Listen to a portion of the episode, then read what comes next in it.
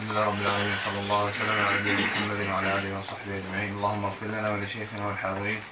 قال ابن حجر رحمه الله تعالى ولا يجوز تعمد تغيير المتن بالنقص والمرادف إلا لعالم بما يحيل المعاني فإن خفي المعنى احتيج إلى شرح الغريب وبيان المشكل ثم الجهالة وسببها أن الراوي قد تكثر نعوته فيذكر بغير ما اشتهر به. أن الراوي قد تكثر نعوته فيذكر بغير ما اشتهر به وصنفوا فيه الموضح. وقد يكون مقلا فلا يكثر الأخذ عنه وصنفوا فيه الوحدان أو لا يسمى اختصارا وفيه المبهمات. ولا يقبل المبهم ولو أبهم بلفظ التعديل في الأصح. فإن سمي وانفرد عنه فإن سمي قف وانفرد على فين سمي؟ الحمد لله رب العالمين. والصلاة والسلام على نبينا محمد وعلى آله وصحبه وسلم تسليما كثيرا. تقدم اليوم بقي عندنا المدرج. عندنا قلت لك المدرج نوعان مدرج الإسناد ومدرج المتن. والإدراج في الإسناد قليل. وأما الإدراج في المتن فهو كثير. أكثر ما يكون الإدراج في آخر المتن. كحديث نهى صلى الله عليه وسلم عن الشغار. والشغار أن يزوج الرجل ابنته على يزوجه الآخر ابنته وليس بينهما صداق. تبين من طرقها الأخرى أن تفسير الشغار من كلام نافع وليس من كلام النبي صلى الله عليه وسلم ولا كلام ابن عمر. ومعرفة المدرج أمر مهم. ومعرفة المدرج أمر مهم. حتى لا ينسب إلى النبي صلى الله عليه وسلم ما ليس من قوله ولا من فعله. الإدراج في المتن قد يكون من أول الإسناد قد يكون في وسطه وقد يكون في آخره.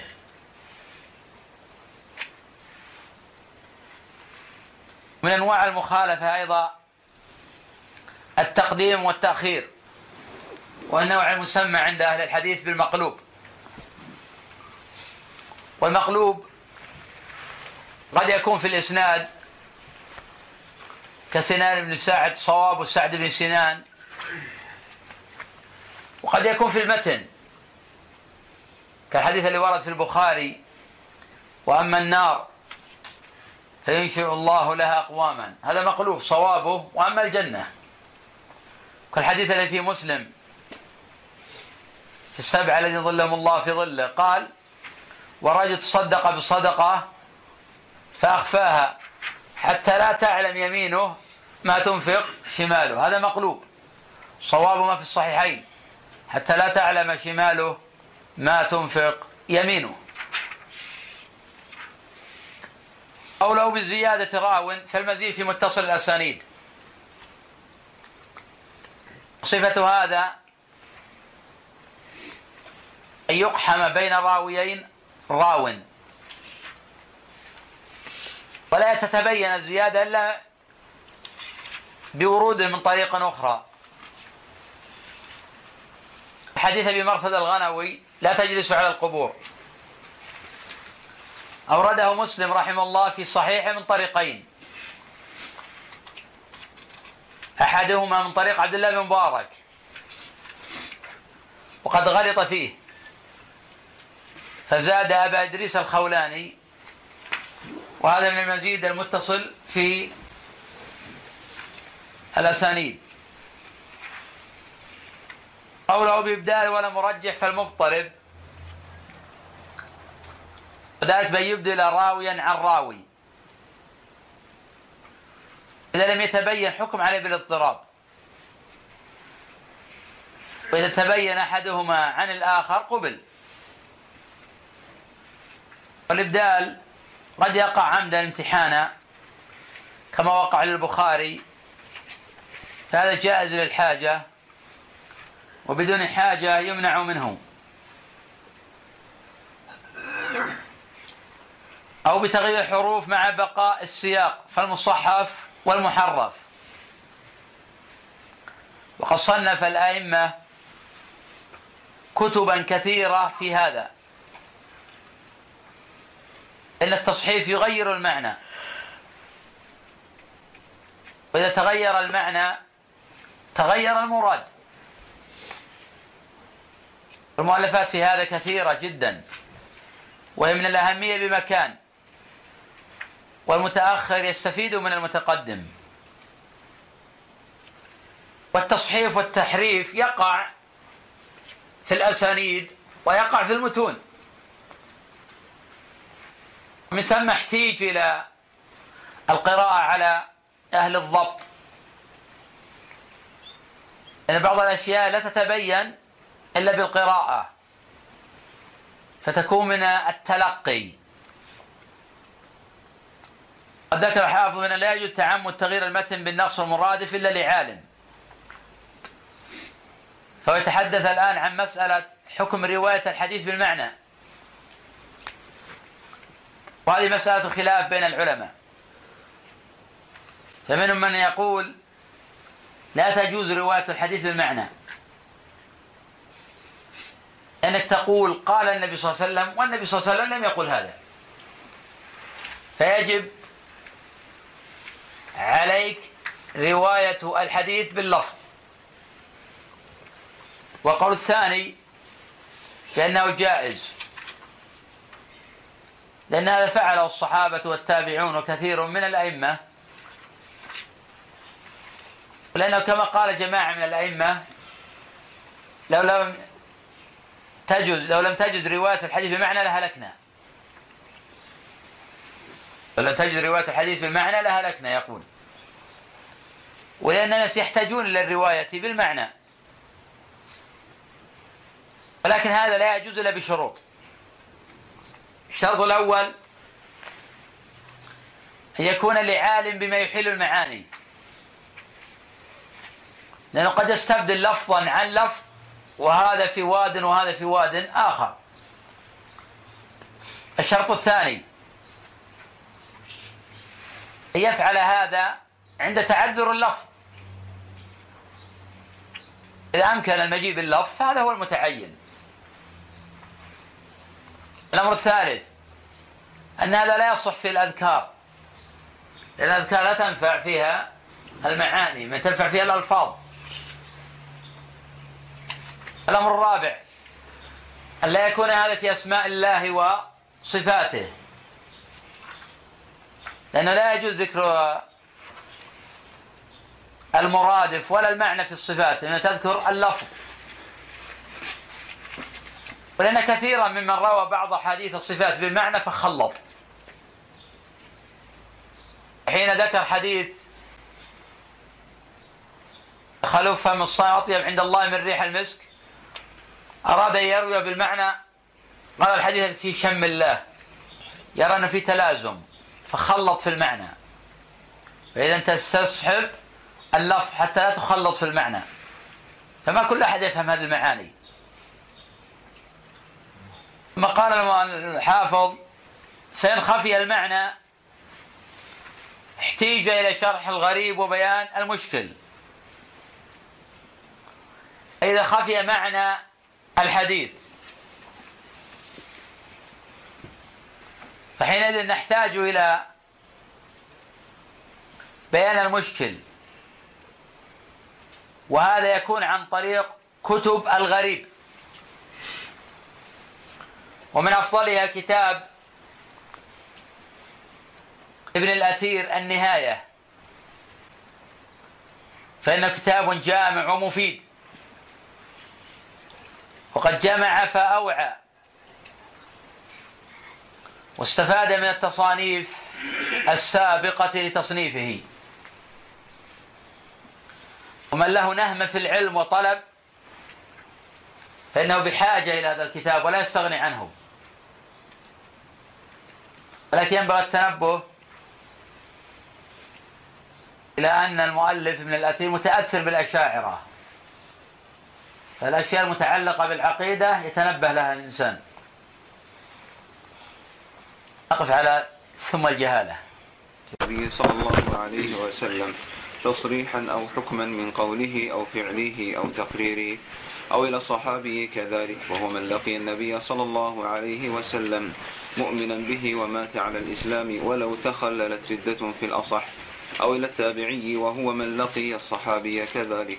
فالأول المرفوع والثاني الموقوف والثالث المقطوع. والثالث المقطوع. الحمد لله رب العالمين والصلاة والسلام على محمد. قال المؤلف رحمه الله ثم الإسناد. أولا الإسناد من الدين. الإسناد من الدين. قاله ابن المبارك والشافعي وآخرون وهذا متفق عليه. ولولا الإسناد لقالوا من شاء ما شاء. ويقول ابن المبارك لولا الإسناد لخطبت الزنادقة على المنابر. وكان يقول بيننا وبين القوم القوائم يعني الأسانيد. والمتن لا يصح بلا إسناد.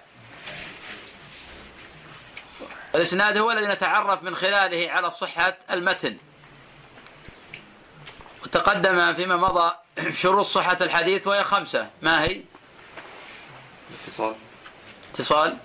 الضبط الضبط. والعدالة. العدالة. عدم الشذوذ. عدم الشذوذ. والعلم وعدم بنقل عدل تام الضبط متصل السند غير معلل ولا شاذ. هو الصحيح لذاته بكثرة طرقه. يأتي إن شاء الله. وما يقول إما ينتهي إلى النبي صلى الله عليه وسلم. تصريحا أو حكما. قصد تصريحا يعني باللفظ الصحيح. كقول صلى الله عليه وسلم إنما الأعمال بالنيات. هذا هو التصريح.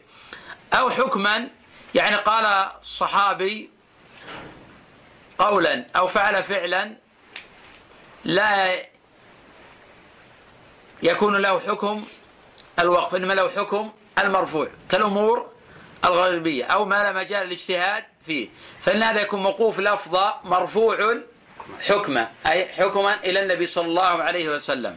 كذلك المؤلف ما ذكر أو تقريره وذكر فيما بعد. قال من قوله أو فعله أو تقريره. يقول الناظم وإن أقر قول غيره جعل. كقوله كذاك فعل قد فعل. وما جرى في عصره ثم اطلع. عليه إن أقره فليتبع. عليه إن أقره فليتبع. إذا السنة تكون إما بقوله أو بفعله أو بتقريره بشرط أن يطلع عليه أما إذا فعل في عصره ولم يثبت أن يطلع عليه فهذا مختلف فيه. ومحل باب الأصول. نتكلم على ما اطلع عليه النبي صلى الله عليه وسلم وقره لأن النبي صلى الله عليه وسلم لا يقر على باطل إذا هذا الإسناد هو اللي يسمى المرفوع. وهو في الأول يقول المرفوع. هذا اللي يسمى الحديث آه، المرفوع. يقول أول الصحابي كذلك ثم عرف الصحابي بأنه من لقي النبي صلى الله عليه وسلم مؤمنا. هنا الحافظ يقول من لقي ولم يقل من رأى. وهذا أحسن من تعبير من يقول من رأى. حتى لا يرد علينا الأعمى. حتى لا يرد علينا الأعمى. فنقول من لقي؟ سواء كان أعمى أو غير أعمى. كل من لقي النبي صلى الله عليه وسلم ولو آه، مجرد رؤية أو مجرد لقي ولو يسيرا. لأن بعضهم يقول لا يقول سنة أو سنتين هذا لا أصل له. صاب أن الصحابي كل من لقي النبي صلى الله عليه وسلم مؤمنا به. بمعنى لو لقيه كافرا وحين توفي النبي صلى الله عليه وسلم أسلم. هل يسمى صحابيا؟ طيب هو يقول لقيه. لكن قيده لقيه مؤمنا به. فخرج إذا لقيه كافر ثم أسلم. هذا يسمى مخضرمة. هذا يسمى مخضرمة. بعض العلماء أيضا ما يرى أنه يسمى مخضرما. إنما المخضرم يقول من أسلم في عصر النبي صلى الله عليه وسلم ولم يلقى النبي صلى الله عليه وسلم. هذا هو المخضرم. أما إذا لقي النبي صلى الله عليه وسلم كان كان كافرا ثم أسلم بعد وفاة النبي يسمى من جملة التابعون يسمى مخضرما قالوا ومات على الإسلام يشترط يموت على الإسلام. لأن الكافر لا قيمة له.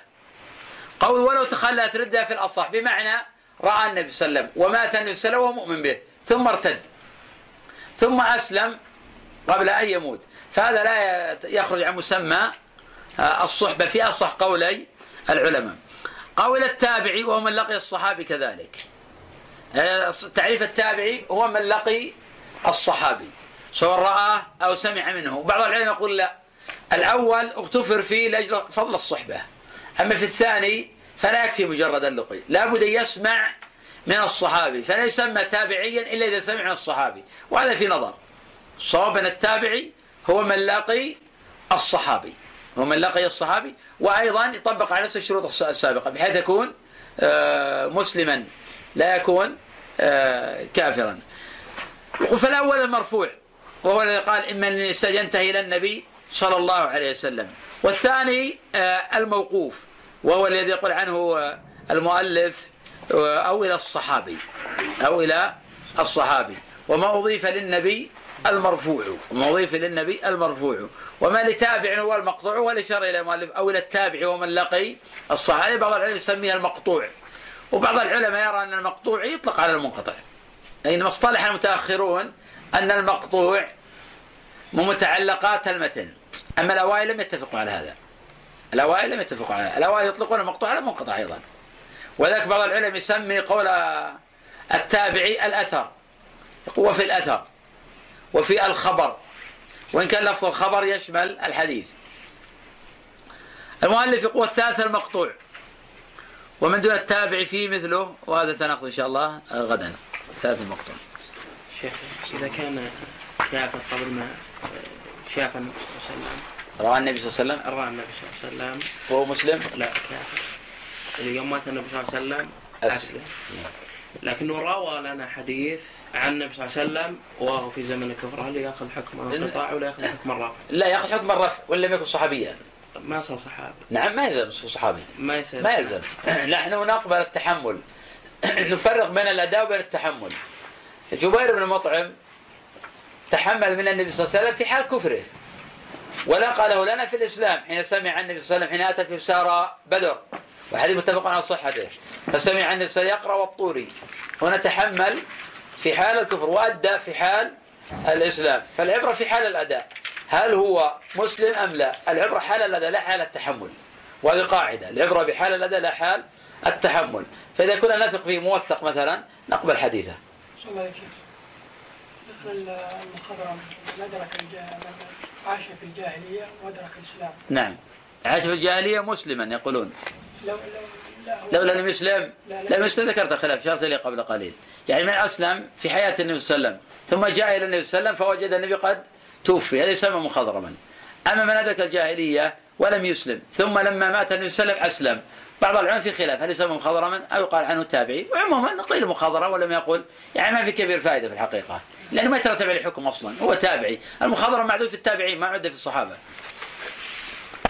الذي فيه مثله ويقال للأخيرين ال ويقال للأخيرين الأثر. والمسند مرفوع صحابي بسند ظاهره الاتصال وفيه الموافقة وهي الوصول إلى شيخ. فإن قل هذا فإن قل عدده فإما أن ينتهي إلى النبي صلى الله عليه وسلم أو إلى إمام ذي صفة علية كشعبة فالأول العلو المطلق والثاني نسبي. وفيه الموافقة. الحمد لله رب العالمين. والصلاة والسلام على محمد وعلى آله وصحبه أجمعين. قال المؤلف رحمه الله تعالى والثالث المقطوع. وهو ما انتهى إلى التابعي. وهذا من متعلقات المتن. وهذا مشهور عند المتأخرين. وهو الذي ذكره البيقوني في منظومته. بقول وما لتابع هو المقطوع قد كان الأوائل يستعملون المقطوع في المنقطع. يستعملون المقطوع في المنقطع.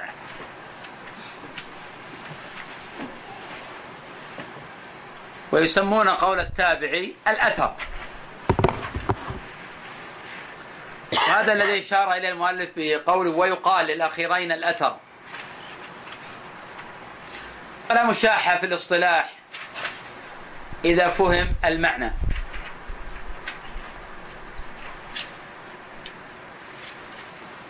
ثم شرع المؤلف يشرح معنى المسند. ويقول عن المسند بأن مرفوع الصحابي بسند ظاهره الاتصال. فمفهوم كلامه أنه إذا كان إسناد منقطعا ظاهرا فإنه لا يسمى مسندا ولا يدخل في حيز المسند. كلامه صريح في أن المسند لا يكون إلا للمرفوع لا يكون للموقوف.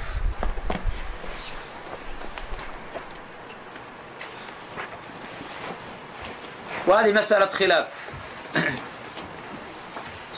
قد قال جماعة من العلماء بأن المسند هو ما اتصل إسناده من راويه إلى النبي صلى الله عليه وسلم.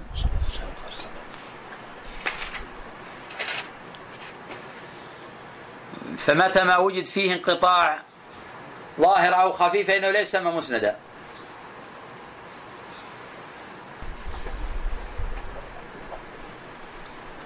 والقول الثالث أن المسند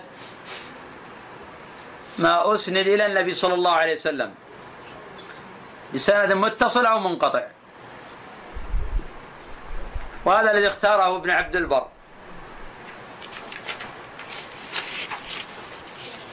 وهذا الظاهر لأنه صنيع المصنفين في المسانيد وهم الحجة في هذا.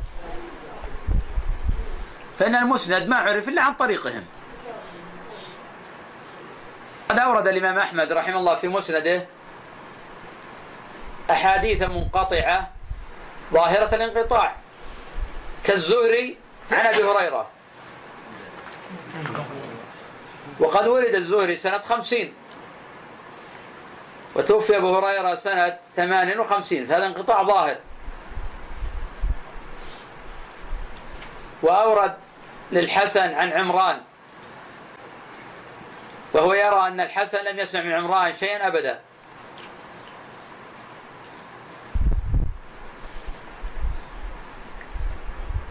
قوله فإن قل عدده. يتحدث الآن المؤلف عن الإسناد العالي والإسناد النازل.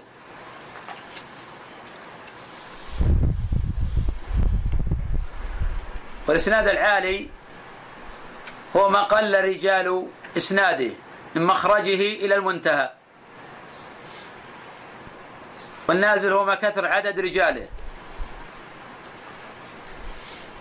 قد كان في الأوائل من يحرص على الأسانيد العالية. قيل لبعضهم ماذا تشتهي؟ قال بيت خالي وإسناد عالي. قال علي بن مديني طلب الإسناد العالي سنة ماضية. وهذا يرغب فيه ويطلب حيث يكون الإسناد العالي صحيحا أما مع الضعف فلا يفرح به. قد يكون هذا الإسناد قد علا للانقطاع. ولو لم ينقطع ما علا. والآخر نزل للاتصال. المعول في هذا على الأسانيد الصحيحة. وهذا مالك في الموطأ رحمه الله تعالى يورد في موطأ أسانيد ثنائية. تعتبر أسانيد عالية. ومع الصحة يرغب فيها لأنها أقل خطأ. ويورد رحمه الله في الموطأ ثلاثية ورباعية. البخاري رحمه تعالى يورد أسانيد ثلاثية ويعلم ما يوجد في صحيحه. وأما مسلم فليس فيه شيء من الثلاثيات. أعلى ما يوجد فيه الرباعيات. وأبو داود لا يوجد فيه ثلاثيات. والنسائي لا يوجد فيه ثلاثيات. وعند الترمذي حديث واحد ثلاثي. وهو ضعيف أيضا. إسناد عمر بن شاكر. المؤلف يقول فإن قل عدده يعني عدد الإسناد ورواة الإسناد. فإما ينتهي إلى النبي صلى الله عليه وسلم أو إلى إمام ذي صفة علية كشعبة. والصفة العلية في شعبة الحفظ والضبط والإمامة والتقدم في هذا العلم. قد سمي في عصره أمير المؤمنين. فالأول العلو المطلق وما كان إلى النبي صلى الله عليه وسلم. والثاني العلو النسبي وهو المقيد. وهو من إسناده إلى إمام ذي صفة علية.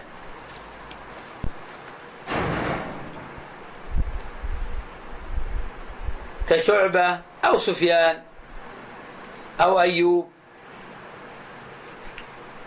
أو أبي إسحاق السبيعي أو الأعمش أو مسعر أو هشيم وأمثال هؤلاء الحفاظ. أصر على هذا والله أعلم. شيخ بزمان كم أعلى أسنان؟ نعم. كم راجع تقريبا بزمان يبان. أعلى أسنان والله يختلف لكن اللي وقع اللي نروي حديث المسلسل الأولية على شيء عالي يعتبر بيني وبين النبي 36 رجلا فقط. 36 اي فقط. هذا يعتبر عاليا. أما بقية في اسانيد 50 الرحمة يرحمهم الرحمن. نعم لكن هذا روي ب 36 صحيح. هو صحيح حديث البخاري بالنسبة. ليس في البخاري هو. هذا الترمذي فقط. ليس عند البخاري. البخاري في الأدب المفرد ليس صحيح. الراحم يرحم الرحم من فضل يرحمكم من في السماء هو المسلسل الأولية عند سفيان عن عمرو عن قابو أبي قابوس. مختلف في أبي قابوس لكنه صححه الترمذي يرفع جهالته. 36 شخص. اي نعم. قد يروي آخر بعدد كبير جدا. اليوم واقع الوقت علينا. لا لا ننظر غدا إن شاء الله. ضاق الوقت. فين من غير طريقه. وفيه البدل وهي الوصول إلى شيخ شيخه كذلك. وفيه المساواة وهي استيواء عدد الإسناد من الراوي إلى آخره مع إسناد أحد المصنفين. وفيه المصافحة وهي وهي الاستواء مع تلميذ ذلك المصنف. ويقابل العلو بأقسامه النزول فإن تشارك الراوي. الحمد لله رب العالمين. والصلاه والسلام على محمد تقدم عندنا العلو قسمان. علو مطلق وعلو نسبي. والعلو المطلق هو ما قل إسناد عدد رواته وما قل عدد رواته الإسناد من مخرجه إلى النبي صلى الله عليه وسلم. والعلو النسبي هو ينتهي إلى إمام ذي صفة علية كشعبة. مؤلف يقوى فيه أي في العلو الموافقة. الموافقة والبدل والمصافحة كل هذه الأشياء قليلة النفع. قليلة النفع. وما كان الأوائل يحرصون على مثل هذا. فأصبحت الآن بمثابة التعريفات التعريفات. بمثابة التعريفات فنعرف تعريف المؤلف لكن فائدتها قليلة. يقول الموافق والوصول شيخ أحد المصنفين غير طريقة. كان تروي صحيح البخاري فتوافق أحد توافق البخاري بإسنادك من غير طريق البخاري. فيكون عدد الإسناد إلى أن كعدد إسناد آه، البخاري. هذا في موافقة. طبعا قليل النفع هذا. قال وفي البدو وصل الشيخ شيخه كذلك. أن تصل شيخه شيخ شيخه شيخ البخاري الحميدي شيخ شيخه شيخ البخاري. طبعا شيخ شيخه هو الحميدي. شيخ شيخ الحميدي هو سفيان. لكن الآن يريد أن تصل إلى الشيخ شيخه. شيخ شيخ أحد المصنفين كسفيان مثلا. عن طريق حديث عمر الأعمال بالنيات وهذا أيضا قليل المنفعة في ذلك. يسمى هذا آه، البدل. وفي المساواة وهي استواء على الإسناد من الراوي مع إلى آخره مع إسناد أحد المصنفين. يعني تروي آه، كتابا أو تروي حديثا تستوي بالإسناد مع أحد المصنفين. تروي هذا الحديث بستة رواة وهذا يروي بغسل ولو لم يكن عن طريقه. إذا كان عن طريقه تقدم عن الموافقة. هذا مسند مستقل. فهذا يسمى المستوى يعني استوى عدد إسنادك مع الإسناد عدد أحد المصنفين من المخرج إلى النبي صلى الله عليه وسلم وهذا أيضا قليل المنفعة. قال وفي المصافح والاستماع التلميذ ذلك المصنف. تلميذ البخاري مثلا من تلميذ البخاري مثلا الترمذي. من تلميذ البخاري مثلا الترمذي تستوي مع الترمذي في رواية حديث من احاديث صحيح البخاري. قالوا قابل العلو بأقسامه النزول بقدر ما فيه علو فيه نزول قد ما فيه علو تستوي مع النازل كما تستوي مع آه، العالي. تقدم عندنا أن العلماء يقدمون الإسناد العادي العالي على النازل إذا صح إسناده. أما إذا لم يكن صحيحا فالإسناد النازل الصحيح أفضل من العالي ولأن الإسناد تارة يكون عاليا لانقطاع في الإسناد لا لجودة الإسناد. وقلنا أن موطا مالك في اسانيد عالية قوية وأن يروي كثيرا عن النبي صلى الله عليه وسلم بواسطة رجلين فقط عن نافع عن ابن عمر. البخاري في ثلاثيات آه، بحدود 22 آه، حديثا. مسلم ما في ثلاثيات في رباعيات. أبو داود ما في ثلاثيات. الترمذي فيه حديث واحد ثلاثي ضعيف أيضا وفي سند عمر بن شاكر. آه النسائي ما فيه ثلاثيات.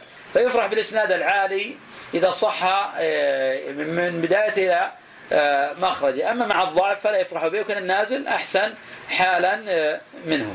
صلى الله عليك. نجدها في المستخرجات الأقسام هذه. نعم. نجدها في المستخرجات. اي نعم. في المستخرجات كلها موجودة. يستخرجون على سند البخاري.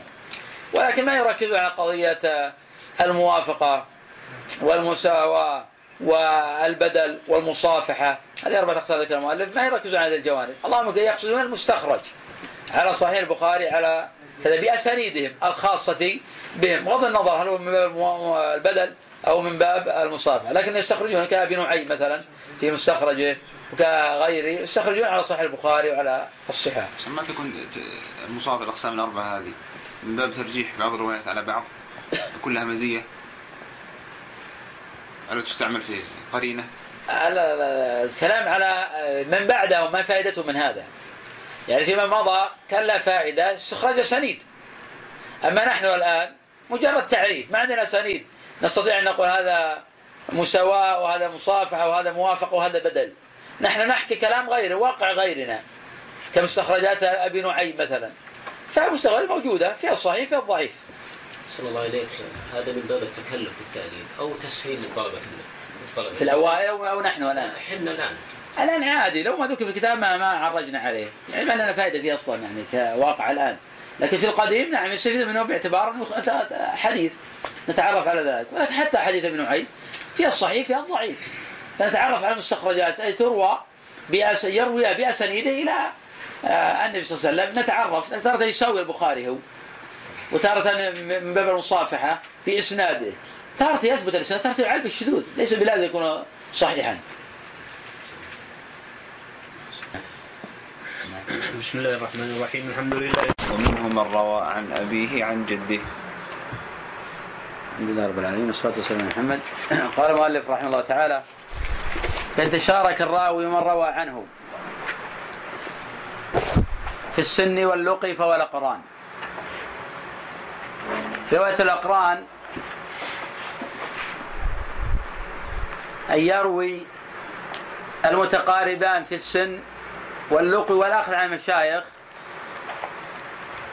أحدهما عن الآخر. كرواية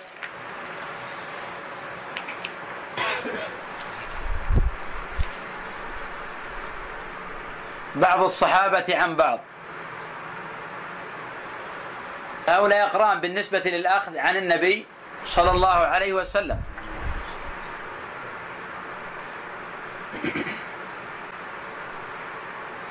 يمكن أن نقول أن رواية أحمد عن الشافعي من روايات الأقران وإن كان الشافعي أسن من أحمد لأنه قد اشترك في الأخذ عن بعض الشيوخ.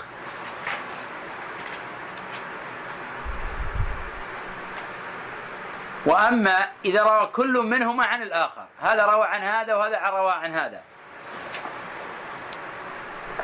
فهذا يسمى المدبج. مأخوذ من دباجتي الوجه لتقابلهما. كرواية أحمد عن إسحاق بن راهوي.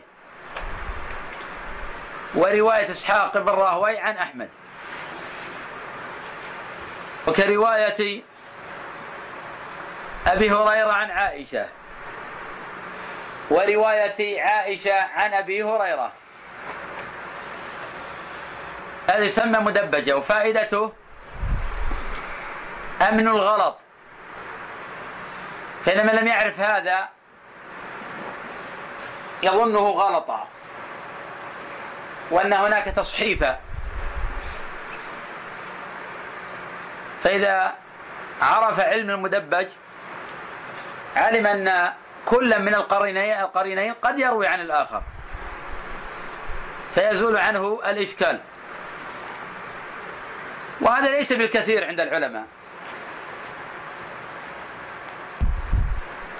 فإن المدبج قليل. وإن روى عن من دونه فالأكابر عن الأصاغر. ذلك مثل رواية الأب عن ابنه.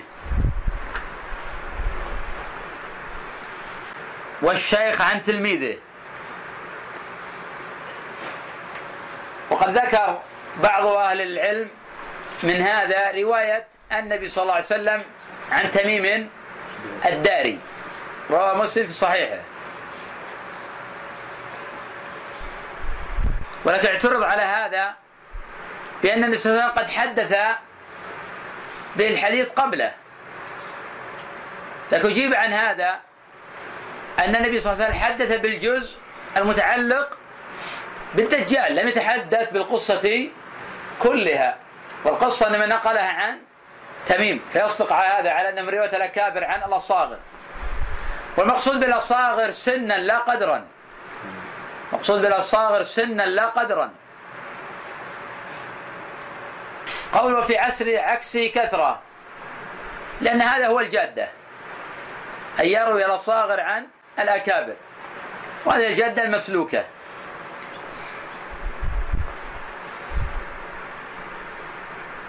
قال ومنهم من روى عن أبيه عن جده. والروايات في هذا كثيرة.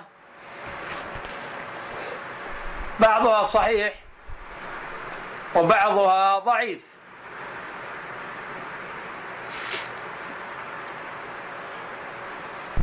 فالسلسلة المروية عن سمرة معلولة. التي منها حديث من جامع المشرك وسكن معه. قد تحدث عن هذه السلسلة الذهبي في الميزان وقال منكرة.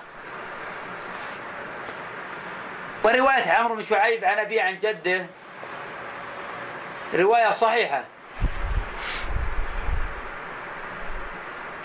ورواية باز بن حكيم عن أبيه عن جده. رواية صحيحة.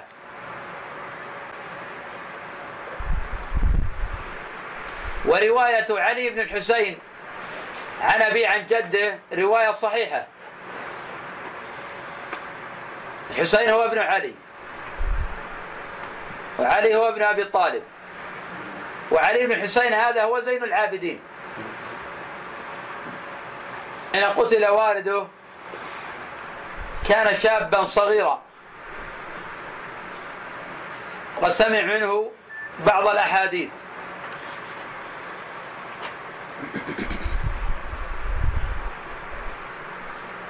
الله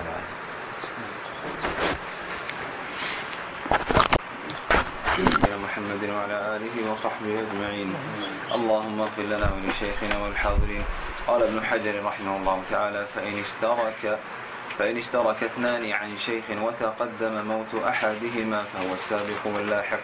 وإن روى عن اثنين متفقي الاسم ولم يتميزا فباختصاصه بأحدهما يتبين النهمل.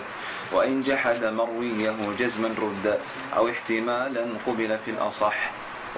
وإن اتفق الرواة في صيغ الأداء أو غيره من الحالات. في لا وفي من حدث ونسي. وفيه من حدث ونسي. صلى. إيه.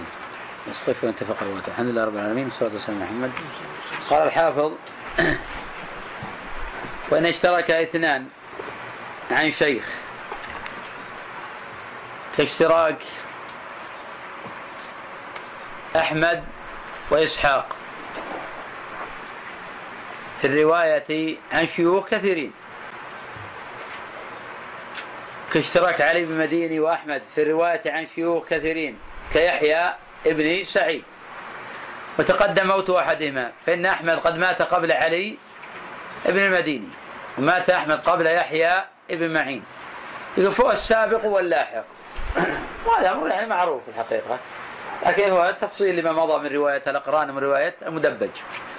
ما هي رواية الأقران؟ وما روى كل قرين عن آخر. هذا روى كل قرن عن آخر مدبجا. أن. يروي أحدهما عن الآخر. واشترك في السن إذا اشترك اثنان في السنة والأقوى وروى أحدهما عن الآخر فهذا روايات الأقران. وإذا روى كل منهم عن الآخر فالمدبج. يقول فهو السابق واللاحق. يعني هذا السابق وفاة وذاك اللاحق له وهو المتأخر. وإن روى عن اثنين متفقين متفقين. يعني روى عن اثنين متفقي الاسم. مثل الحماد حمادين. هل هو ابن زيد أم محمد بن سلمة؟ ومثل الليث. هل هو الليث بن سعد أو الليث بن أبي سليم؟ مثل سفيان.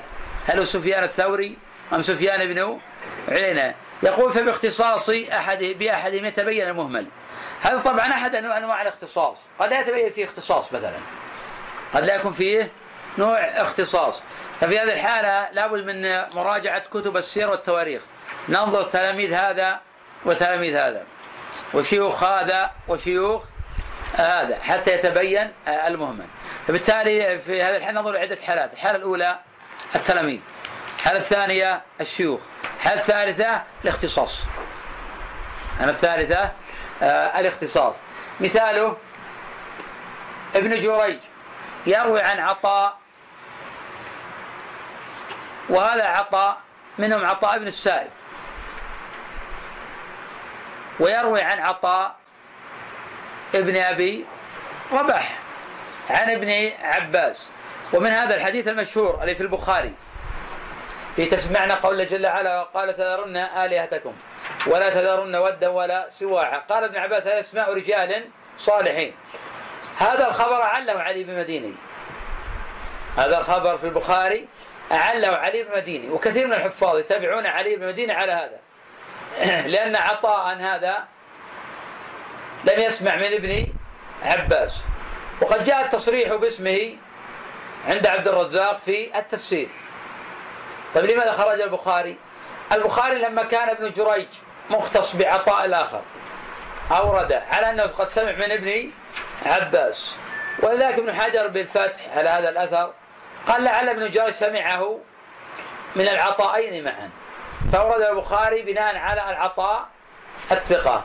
وعبد الرزاق أورده بناء على عطاء آخر عطاء الخرساني على الصحيح ثقة. لكنه لم يسمع من ابن آه، عباس. قوله إن جحد مرويه جزما رد. يعني أنا حدثك شخص بحديث. ثم حدثت عنه في المستقبل. فأنكر قال لم أحدثك به. يعني رد هذا جزما رد. أو احتمالا قبل. قال ما ما أذكر أني حدثت به. كشاهدك يمينك ما ذكر بعض العلم حدث به. ففي هذه الحالة يقبل لأنه ما ما أنكر آه هذا. ما أنكر آه هذا. وهذا ليس مختصا بما حدثك به.